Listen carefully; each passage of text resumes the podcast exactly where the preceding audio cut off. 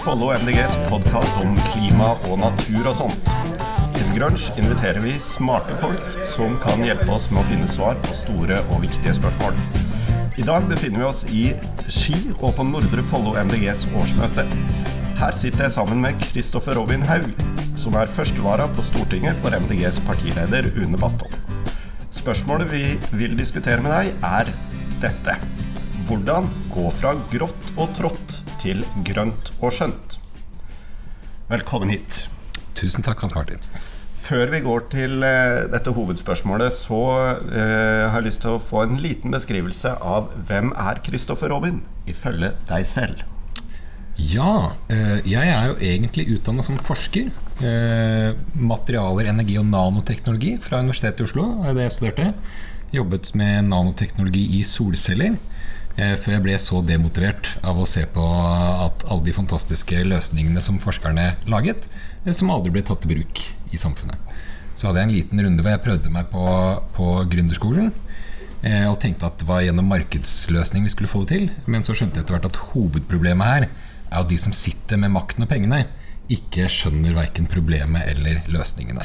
Så da kan man jo enten være en sånn sint forsker som hytter med neven fra laben, eller eh, faktisk brette opp ermene og bli politiker og prøve å pushe noen av disse løsningene ut i praksis. Takk for at du prøver. Eh, Bakgrunnen for dagens overskrift er at både klimakrisen og naturkrisen er et voldsomt kall til handling.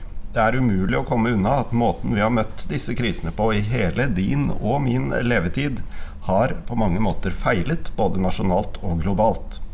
Hva mener du at er det viktigste vi må gjøre for å finne veien ut av uføret?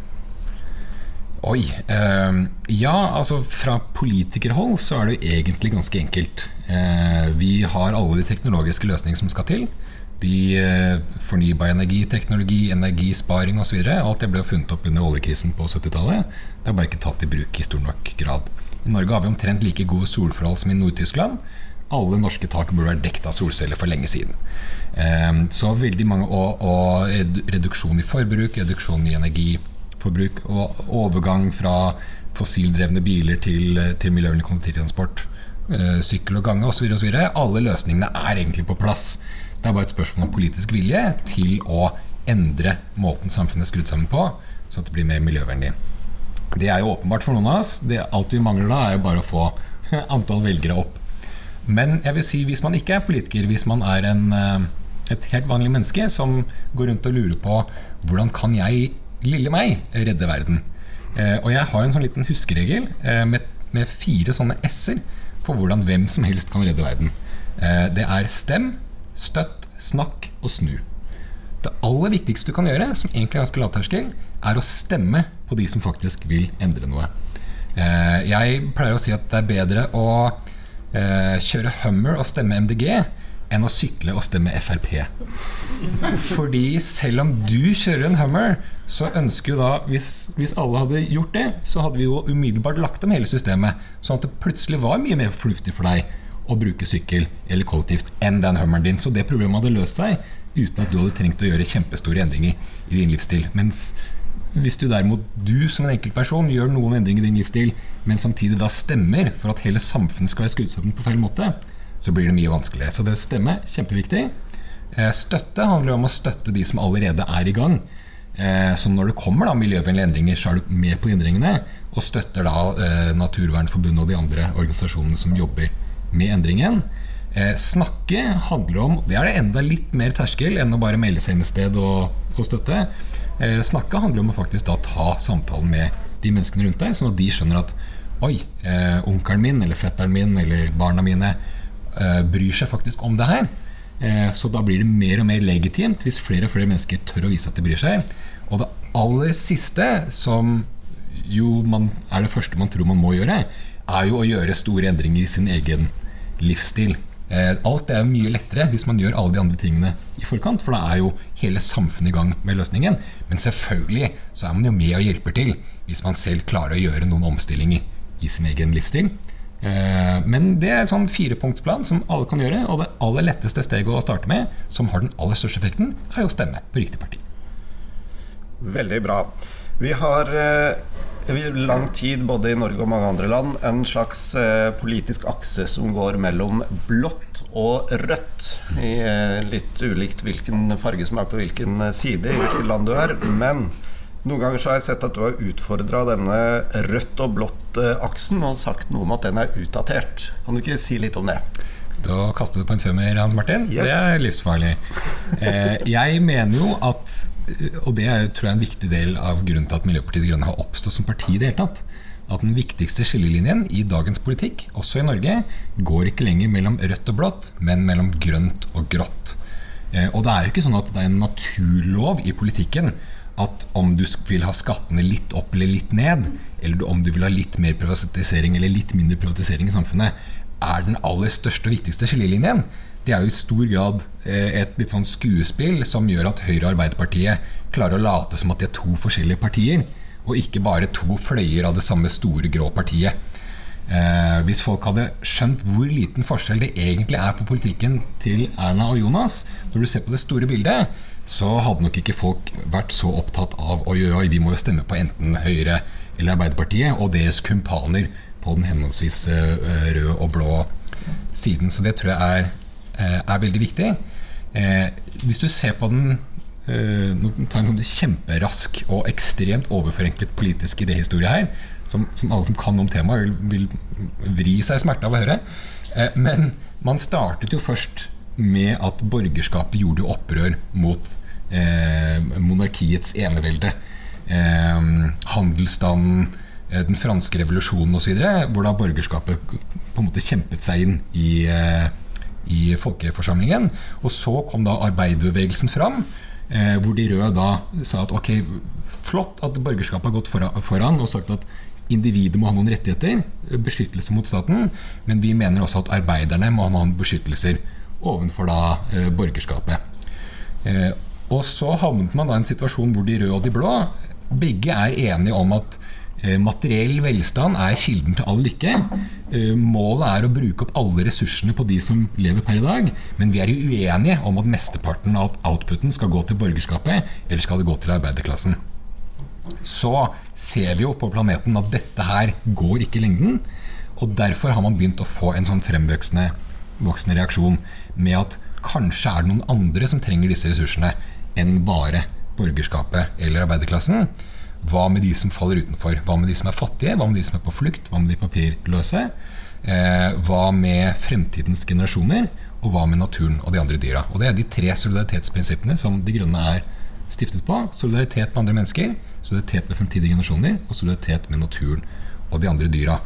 Og den skillelinjen der, om man ønsker da øh, å representere disse i større grad, eller om man da ønsker å bruke opp alle ressursene på de som har makt per i dag, er den store skillelinjen mellom grønt og grått.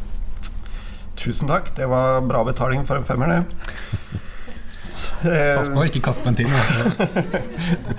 Står i fare for det. Eh, det du sier er lett å følge de linjene, og du har vært inne på det flere ganger, at uh, noe av det som må til, er jo at uh, de som ønsker å gjennomføre denne linjen, får et sterkt nok mandat uh, til å gjøre det. Og um, siden vi nå er på årsmøtet til MDG, så, så, er jo det et av de partiene som vi mener trenger større oppslutning for å sette større preg på, på samfunnet i den retningen som vi mener at det bør. Eh, høstens stortingsvalg var et av mange i rekken som eh, bekrefter at uh, vi er ikke der uh, enda.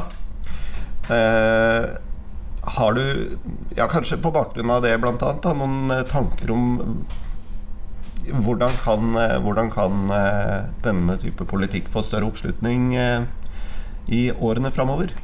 Ja, der kastet du på en tier. Tusen takk. jeg vil jo si at hvis du virkelig snakker med folk, uh, og folk er jo de menneskene som utgjør velgermassen i, i, i Norge, uh, så er det nok veldig få som innerst inne ønsker seg en grå politisk hverdag. Eh, hvis, hvis, du ber noen lukke øynene og se for seg Ok, se for deg hva er paradis på jord, så er det ikke eh, aktive fabrikkpiper som pøser ut synlige tegn på massevis av produksjon. Eh, det er ikke massevis av eh, eh, kontorer i glass og metall og økonomisk aktivitet og alle de liksom, tingene som de grå politikerne mener at dette er tegn på at ting går bra, det er jo ikke det folk innerst inne ønsker seg. Hvis folk flest lukker øynene, ser for seg paradis på jord, så er det du ser for deg, er jo natur. Uberørt natur. Du ser for deg kanskje noen, noen uh, kulturlandskap, noen åpne, åpne åkerlandskap. Du ser for deg å bruke tid med barna dine, tid med familien din, uh, tid med venner. Altså de på en måte grønne verdiene. Så det politiske prosjektet som Miljøpartiet De Grønne ønsker, er jo det som faktisk innerst inne er målet til folk flest også. De blir bare forledet til å tro at de må gjennom en eller annen sånn grå eh, maskin eh, for å komme dit. Eh, når tilfellet egentlig er det motsatte. Og så er problemet hvordan snakker vi da med folk for å overbevise dem om at vi er enige om dit vi faktisk vil. Eh, og der tror jeg vi har litt, eh, litt å gå på i Miljøpartiet De Grønne. For mange av oss er jo sånne som meg, da. Forskere som eh, har blitt så skremt av klima- og naturkrisen at vi vil på en måte løpe ut i gaten og røske i folk og si at men se på tallene da for svingene. Det her går jo lukt åt skogen. Nå må vi ta oss sammen, og vi må gjøre alt som trengs. Koste hva det koste vil. Og det folk hører da, er at dette her kommer til å bli ordentlig kjipt. Eh, Miljøpartiet De Grønne vil sette oss gjennom en sånn arbeidsleir. Eh, hvor vi skal hamre i fornybarhetsgruvene. Eh, eller et eller annet, istedenfor å ha det fint. Og så lover de andre partiene oss eh, både gull og grønne skoger. Eh, alle skal få det fint, ingen skal trenge å gjøre noe som helst. Penger skal bare renne ut i bauger og kanter på bekostning av naturen og fremtidige generasjoner, men det sier du ikke høyt. så der tror jeg vi har et kjempepotensial i å fortelle folk både om hvor vi skal til slutt, men også hvilke positive konsekvenser de grønne løsningene har på kort sikt. For det er mange av de tingene som vi jobber for, som vil ha positive konsekvenser på kort sikt. Enten det er eh, seks timers arbeidsdag eller, eh, eller kortere arbeidsuke.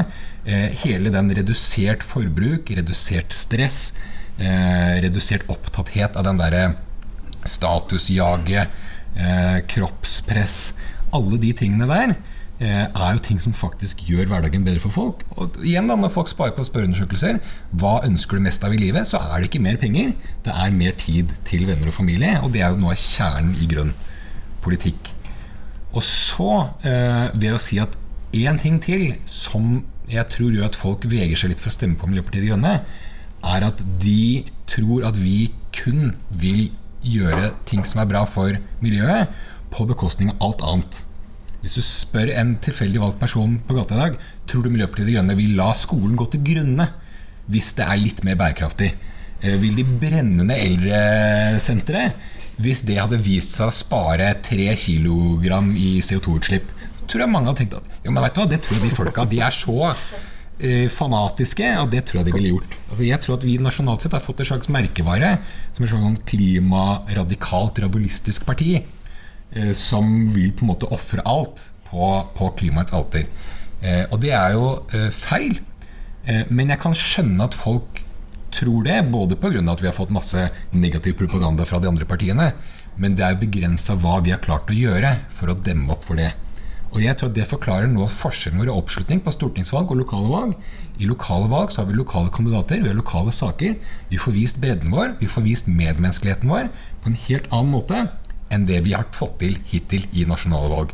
Så jeg tror at vi rett og slett må sørge for at vår nasjonale merkevare blir mer som den lokale merkevaren, og få frem da den medmenneskelige siden av et medmenneskelig samfunn i økologisk balanse.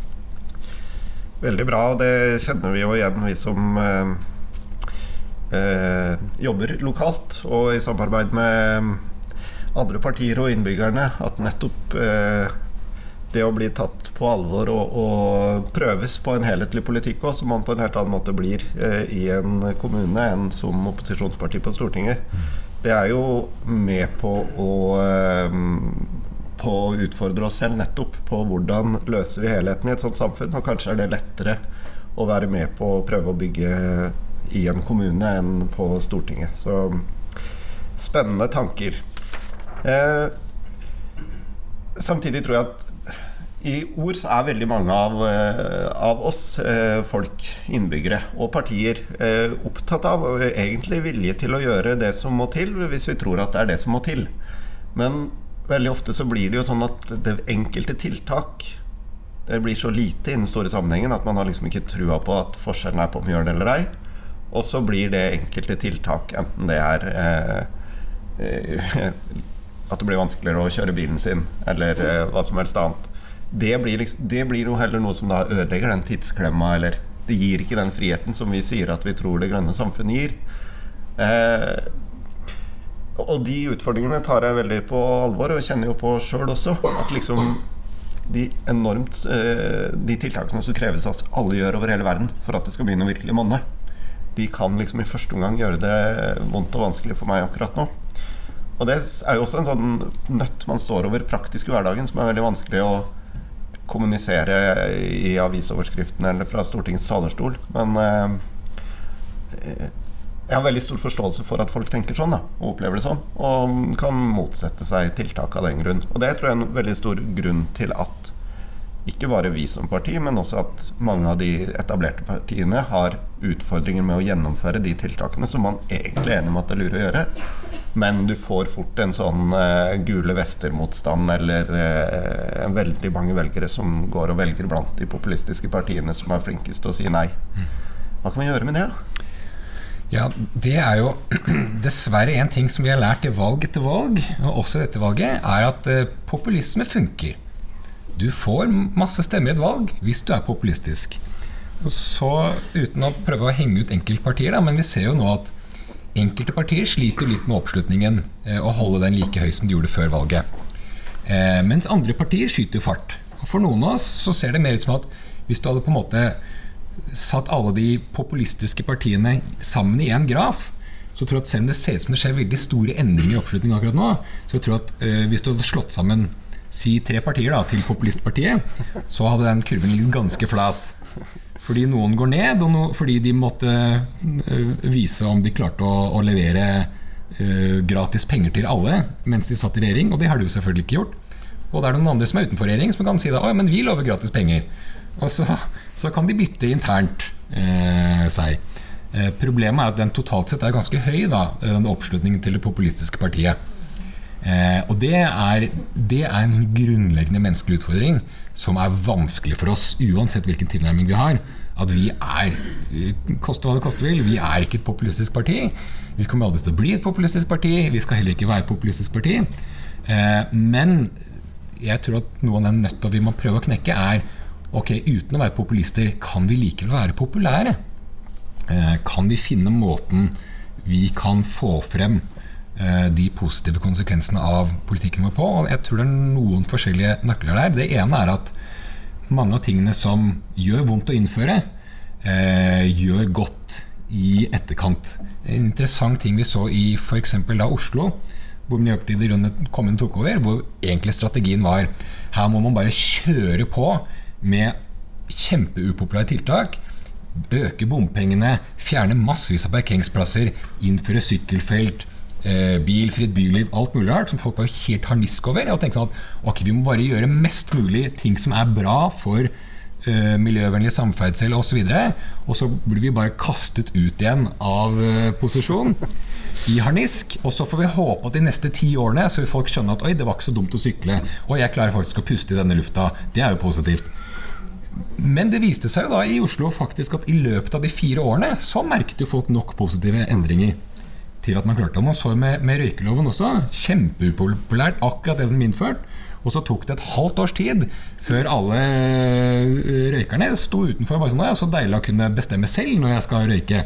Eh, og, og, heller gå inn hvis jeg vil, vil, slippe. Så jeg tror å tørre å ta noen av valgene, og leve med da den smerten i et par år, men forhåpentligvis i løpet av noen år klare å cashe inn også på den positive effekten, tror jeg er noe av det vi må gjøre.